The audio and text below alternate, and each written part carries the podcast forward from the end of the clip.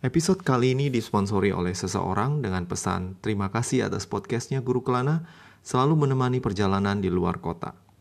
Dan juga oleh Carl, Lee Jen, dengan pesan semangat and think big. Dan juga oleh Rama Omed yang sabar menunggu episode Hercules. Well bro, episode yang Anda tunggu tiba hari ini. Dan juga oleh Kay dengan pesan Your podcast really helped me through my panic attack and ADHD. Wow. I'm really honored and humbled to hear all your messages and receiving your support. Terima kasih untuk traktirannya ya. Karena kalianlah podcast ini akan terus berjalan. Oh ya, podcast Mitologi Santu ini punya kakak kandung yang namanya gurukelana.com blog travel bikinan gue yang udah ada duluan sejak tahun 2013. So, jika kalian suka baca cerita travel atau cerita mitologi, kalian bisa mampir ke blog ini dan jangan lupa klik iklan yang muncul. Setiap klik yang Anda lakukan akan membantu perekonomian gue dan really really gonna make my day. Oh iya, setiap postingan yang ada di podcast Mitologi Santuy, blog Guru Kelana, laman traktir semuanya adalah postingan unik, jadi tidak akan ada yang kembar atau tumbang tindih. Alright, tanpa basa-basi lagi, mari kita dengarkan episode Hercules Kawin Lagi. Enjoy the show.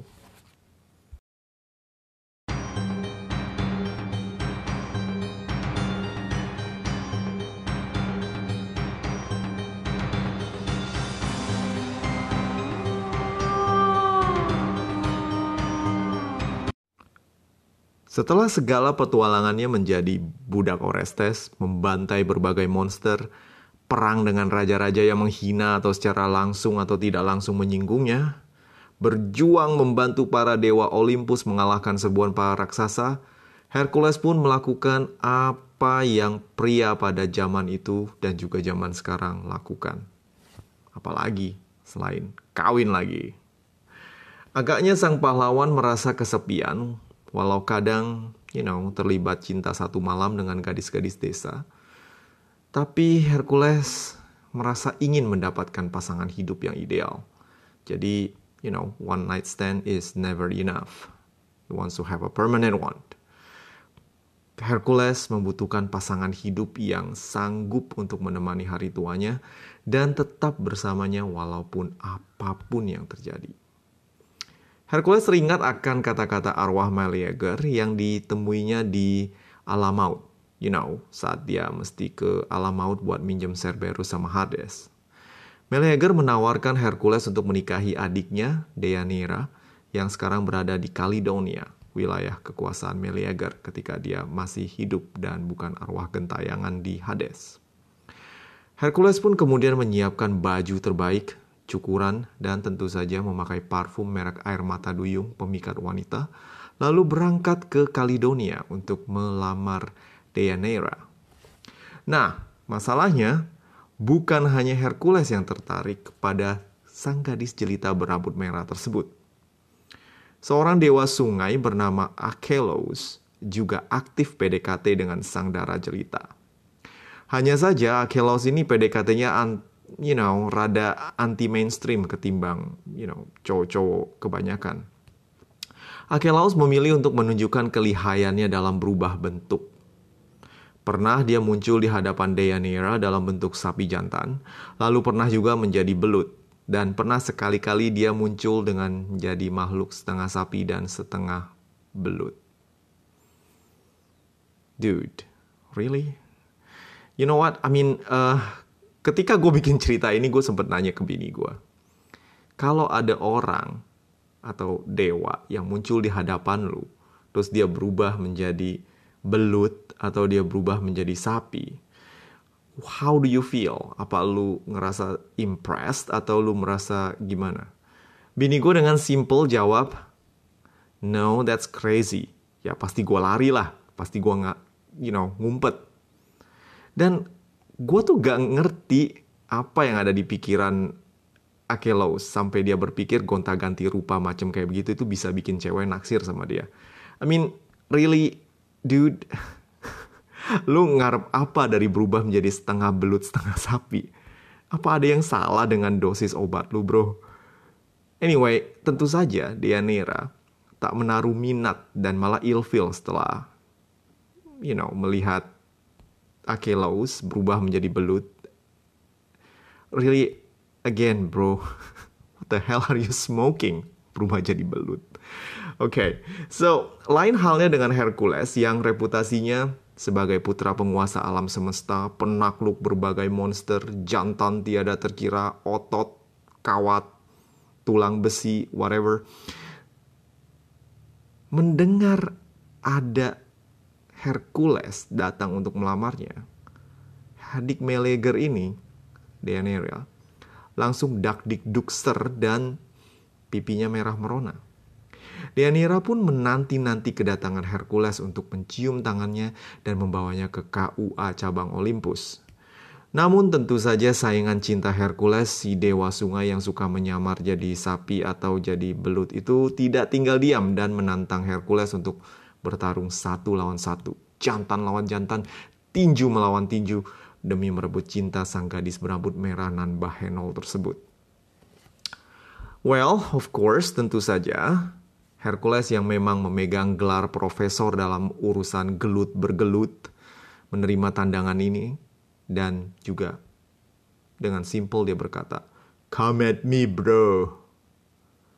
Apalah susahnya menaklukkan seorang dewa sungai ecek-ecek yang kerjanya godain cewek sambil nyamar jadi belut macam pervert. Namun satu hal yang dilupakan oleh Hercules adalah, walaupun Akelos adalah dewa sungai rendahan, tapi dia tetap seorang dewa yang abadi.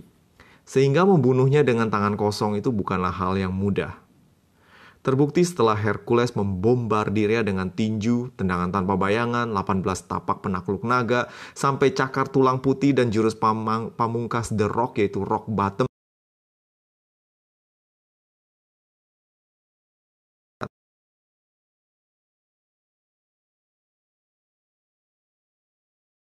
dan tak sabar untuk menyudahi pertarungan, lalu meresponi dengan jurusan pitingan yang dulu pernah dipakainya untuk menaklukkan raksasa Alcyoneus. Nyerah, nyerah cepetan, atau patah nih punggung, kata Hercules sambil berusaha mematahkan punggung sang lawan. Akelos yang licin kemudian berubah menjadi belut dan melepaskan diri dari pitingan Hercules. Sialan, main curang kau. Merasa tertipu oleh akal Akelos, Hercules makin garang menyerang. Sementara sang dewa sungai yang jumawa karena aksinya sekarang berubah menjadi seekor sapi jantan bertanduk tajam untuk melawan Hercules. Sang sapi jantan menyeruduk dan Hercules yang sudah berpengalaman melawan lawan sejenis ini lalu menghindar ke samping dan menggenggam kedua tanduk dari sapi jejadian tersebut. Dengan sekuat tenaga Hercules berusaha mematahkan tanduk Achelos dan krak! Tanduk sebelah kiri sang sapi pun patah. Dan Akelos langsung menyerah. Ampun, ampun bos. Udah, udah, udah. Gue nyerah. Ambil Dede Naira. Gue nyerah. Tapi balikin tanduk gue. Please, please, please. Pinta Akelos yang anehnya tak berubah ke wujud aslinya. Oh, jadi ini kelemahan lo. Kenapa lu gak berubah lagi ke wujud asli, ha?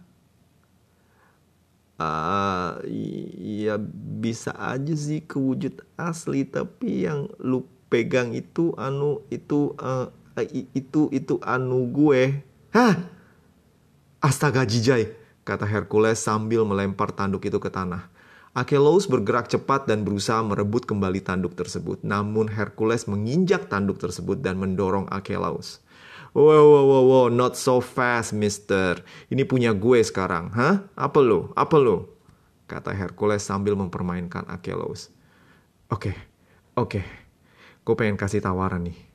Lu balikin tanduk gue, and gue kasih lu sesuatu yang lebih berharga. berharga. Kornukopia, gimana? Hah? Kornukopia? For real? Mata Hercules langsung membelalak dan senyum sumringah muncul dari wajahnya. Apa itu kornukopia? Nah, untuk menjelaskan asal-usul relik ini, gue mesti bawa kalian ke masa lalu ketika Kronos masih menjadi penguasa dari alam semesta. You know Kronos, right? I mean, Kronos itu bokapnya Zeus dan dewa-dewa Olympus yang generasi pertama.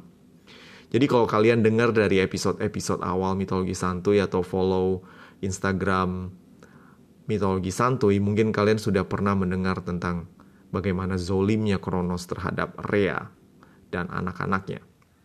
So, Kronos yang takut akan karma buruk gara-gara mengkudeta bapaknya sendiri, selalu memangsa tiap bayi dewata yang dilahirkan oleh Rhea. Jadi semua bayi yang kelak bakal jadi dewa-dewi Olympus generasi pertama itu ditelan kayak makan cilok oleh sang ayah yang parno dengan harapan tidak ada lagi anak yang bakal mengkudeta dirinya di masa depan.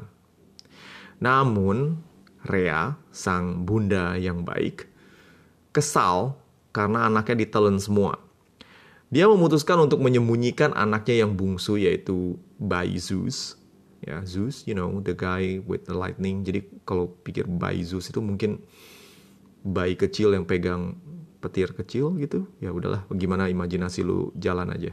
Anyway, Rea menitipkan Zeus di Gunung Ida dan dia itu ngasih Zeus di bawah supervisi seekor kambing betina bernama Almatea. Rea walau skill parentingnya itu patut dipertanyakan, ternyata kagak sembarang menitipkan anaknya. Sang kambing ini bukan sembarang kambing. Kambing ini adalah kambing sakti yang bisa bicara dan mampu menghadirkan makanan yang melimpah dan juga pandai menghibur bayi. Ya, you know, like babysitter kambing kambing jadi babysitter. Oke, okay? um, you know, don't use your logic and daily understanding. And this, this is mythology. Oke. Okay?